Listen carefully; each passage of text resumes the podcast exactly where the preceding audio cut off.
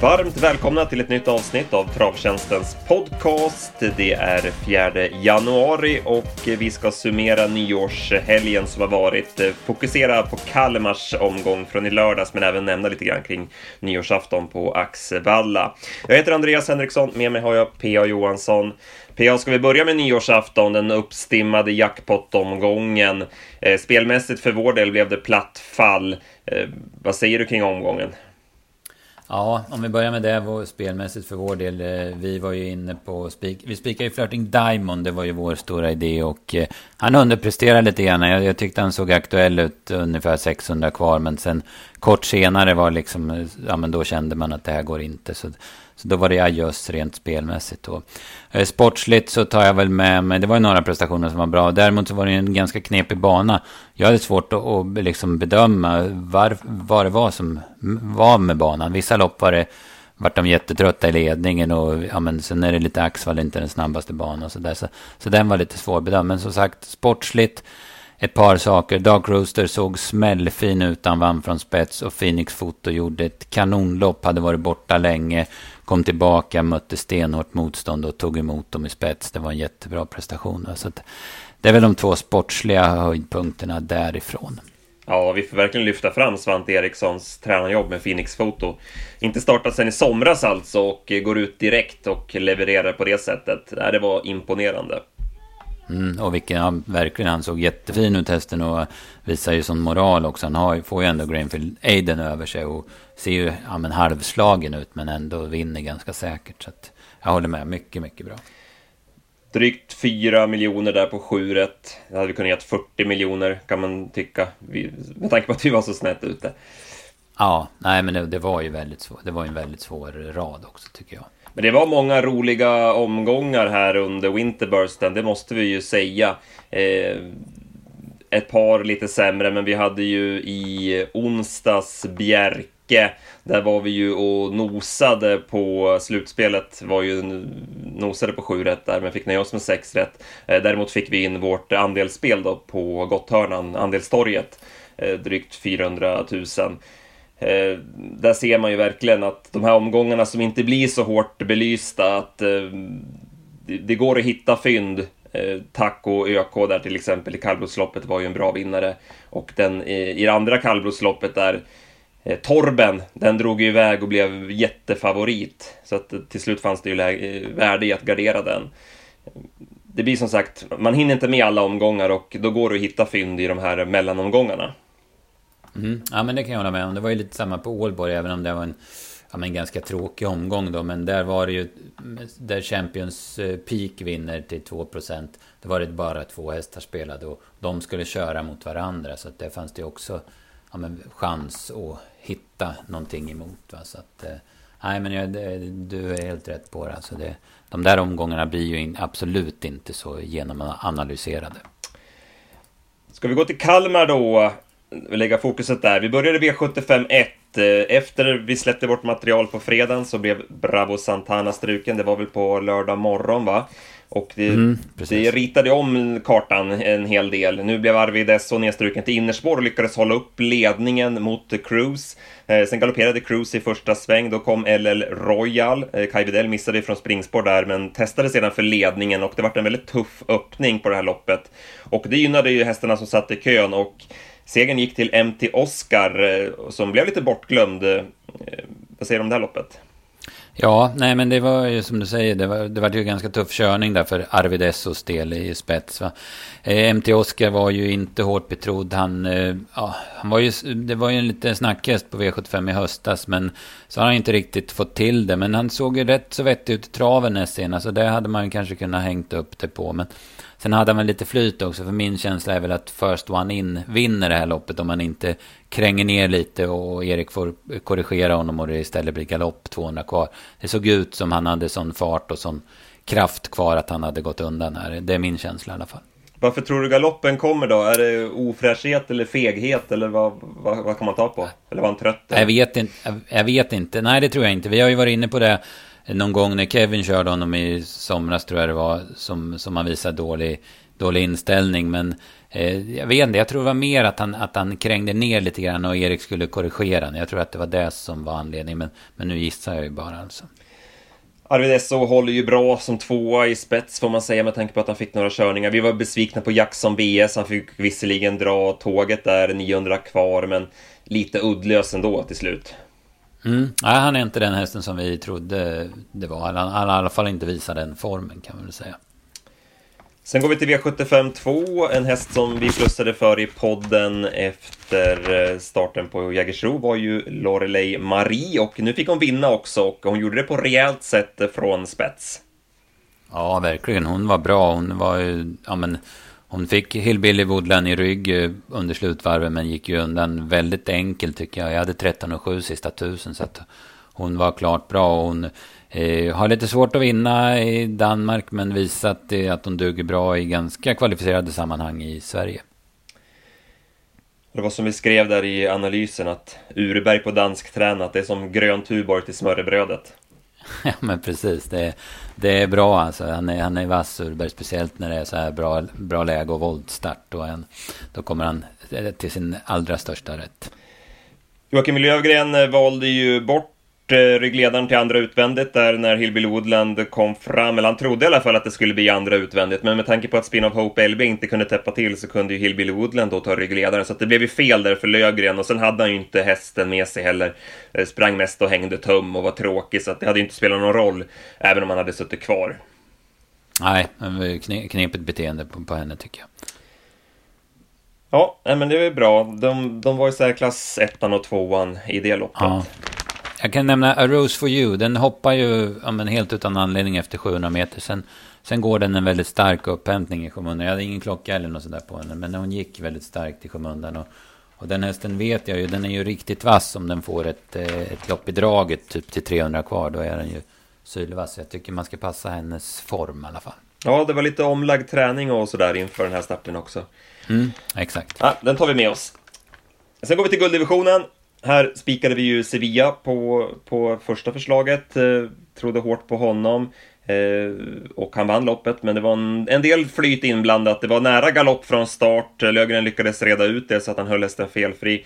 Eh, sen såg han inte perfekt ut i stilen den här gången, men lyckades ändå vinna loppet. Eh, tack vare att Dragster blev väl, eh, väl pigg i ledningen och drog iväg och varvade på 11. Mm, ja, precis. Han varvade ju upp sig Dragster. Han hanterade väl första 500, men sen när C4 Kronos kände lite granna på honom på, på långsidan så, så började han tävla direkt. Och, och man såg ju där typ 1300 kvar att han bara pep iväg. Va? Så att, eh, sen tycker jag han håller jättebra Dragster. Han visar ju vilken, eh, vilken eh, ja, men nivåskillnad och vilken form han har. För att eh, det är ju, Sevilla får ju i alla fall ge en hel del för att avgöra på upploppet. Ja, vi hade med det i analysen att han kunde få en hetsig Sefyr Kronos över sig och eh, precis så blev det. Eh, så att där, hade, där var vi rätt på det. Eh, mm. Men som sagt, Sevilla, där har han några veckor nu att fila till honom till finalen. För att det, den där stilen tror jag inte räcker för att vinna finalen. Nej, precis. Gareth Boko fick ju loppet bakom, går ju fullt okej. Okay, men ja, han visade väl att han behövde det här loppet i kroppen också va? Mm, ja, det var lite uddlöst ändå, även om man såg fin ut och gick liksom.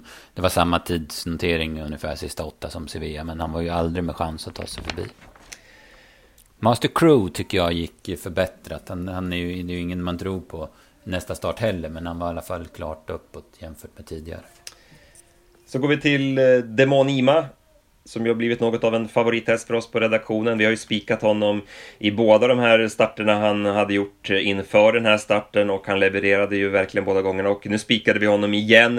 Eh, vi brydde oss inte så mycket om streckprocenten i det här loppet för att eh, vi var helt inne på att han var överlägsen och det som vi har sagt tidigare, det är, det är skrällarna som styr utdelningen. Man behöver inte stirra sig blind på hur många procent eh, eh spiken är spelad på, eh, om den är spelad på 72 procent eller 62 procent. Eh, händer det andra grejer i de andra loppen så blir det ändå bra betalt. Och eh, vi tyckte att han hade så pass hög vinstchans att det var bara att spika och eh, äh, vilken ruggig häst det är alltså. Mm, ja, han är läcker. Alltså snabb ut och väldigt reglerbar. Det går att köra på honom och ta upp och sen springer han sådär skönt avslappnad i ledningen och, och ja, men vinglar lite, klipper med öronen och väntar bara på att när, när blir det match igen. Och så, han eh, vinner ju alltså på 13,9 i januari. Det var ju inte jättebra väder. och 12 sista åtta och han ser helt oberörd ut. Det där är en ruskigt fin häst. Ja, han verkar så klok också. Att han dels kan ladda med honom från start och sen ta upp honom och sen får han en körning av Klå där på första långsidan i 0,5 tempo.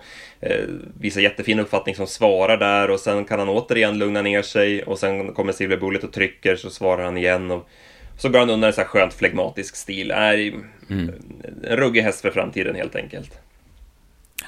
Ja, eh, det måste man säga. Det, var bra, det här var ett bra lopp för både Silver Bullet eh, gör ett jättebra lopp och Jori Boko fullföljer ju också bra. Va? Så att det, det, var, det höll bra klass det här. Och sen Glimma Blixten var väl den positiva överraskningen i loppet. Eh, han öppnar ju som en, som han heter då, som en blixt och sen hakar han ju på bra till slut också. Vi går vidare till Fortune Meras, ny seger för Johan Untersteiner. Eh, han avgjorde loppet från start där han tog en längd på Sir Henry P. Hill Sen blev det som ofta i de här långloppen eh, stiltje och han fick bestämma tempot i spets. Eh, Mattias Andersson höll sig lugn utvändigt med Dr. Doxy sen, så att det blev eh, ganska billigt för Fortune med Rass och med tanke, tack vare detta då så lyckades han hålla undan till seger. Men det satt hårt åt mot Kennedy som fick chansen från tredje invändigt när Rickard N Skoglund valde att gå ut i sista sväng med Sir Henry P. Hill. Men ja, Fortune Rass, tredje raka och ja, det är en riktig vinnartyp. Ja, det är det ju. Det är ju en bra häst i grunden. Nu, nu sa väl inte den här segern så mycket och det är väl inget som man går i liksom spikar på den här prestationen. Men det är som du säger, det är en bra häst. Och, och han gör det han behöver i alla fall. Kennedy var ju jättepositiv bakom. Han, han är ju lite upp och ner, men nu visade han eh, klassen i alla fall. Och Sir Henry P. Hill, han eh, travar ju i alla fall helt okej. Okay, så att han, han får väl fullt godkänt han också för, för insatsen. Och här ser man ju verkligen att det är det sena spelet som styr eh, de sena pengarna som kommer in. Eh, Fortsemeras var ju favorit snudd på hela veckan, men till slut blev han 19 procent. Sir Henry P. Hill 32 procent. Star Leonardo blev ju till, till slut jämspelad med Fortsemeras och han gav väl knappa åtta gånger pengarna som vinnare också, så att den här ville inte spelarna ha helt enkelt. Nej, verkligen inte. Det var en sån där häst som, som eh, de tunga spelarna garderade brett. Eh, vi fick ju in andelsspelet här också på, på Gotthörnan så att det var ju roligt. Eh, kul där då med full pott. Och vi hade även fått in det med Kennedy. Han var ju betydligt mindre spelad men med tanke på vem som vann avdelning 6 så känns det som att det kanske inte diffar så mycket i utdelning till slut ändå. Eh, feelingen är ju att Kennedy var ju en sån som många lirare hade med. Ja, men det, så kan det nog mycket vara. Sen när det kom jättesmäll sen i avdelning 6. Så att, Nej, det kan du vara helt eh, rätt på det med. Jag kollade, kudden lägger ut eh, de här tidsnoteringarna på ATG X-Labs eh, snabbast sista 200 och där hade Hanna Läderkorpi de två dagssnabbaste. Dels Jerro Bocco i det här loppet, han flög ju fram trots att han blev oplacerad och sen då Payet DE i avslutningen. Ruggig stallform på Hanna Läderkorpi, de har väl haft hela året kan man säga. Och mm. det är bara imponeras vilket fint skick hon har på de här hästarna och det är ju lite hästar som, ja men de har ju gått rätt tufft innan och hon lyckas få dem att bjuda till och äh, det är bara att lyfta på kepsen där. Mm. Nej, hon är jätteduktig, speciellt eh, vilket, eh, som du säger, vilket skick hästarna är. De ser jättefina ut i, i alla lägen. Va? Mr Perfection får vi väl ta med oss igen då. Han gick ju med mm. oryckt norsk i mål och har ju ruggig form. Ja, ja men absolut. Han, eh, det, det, så är det.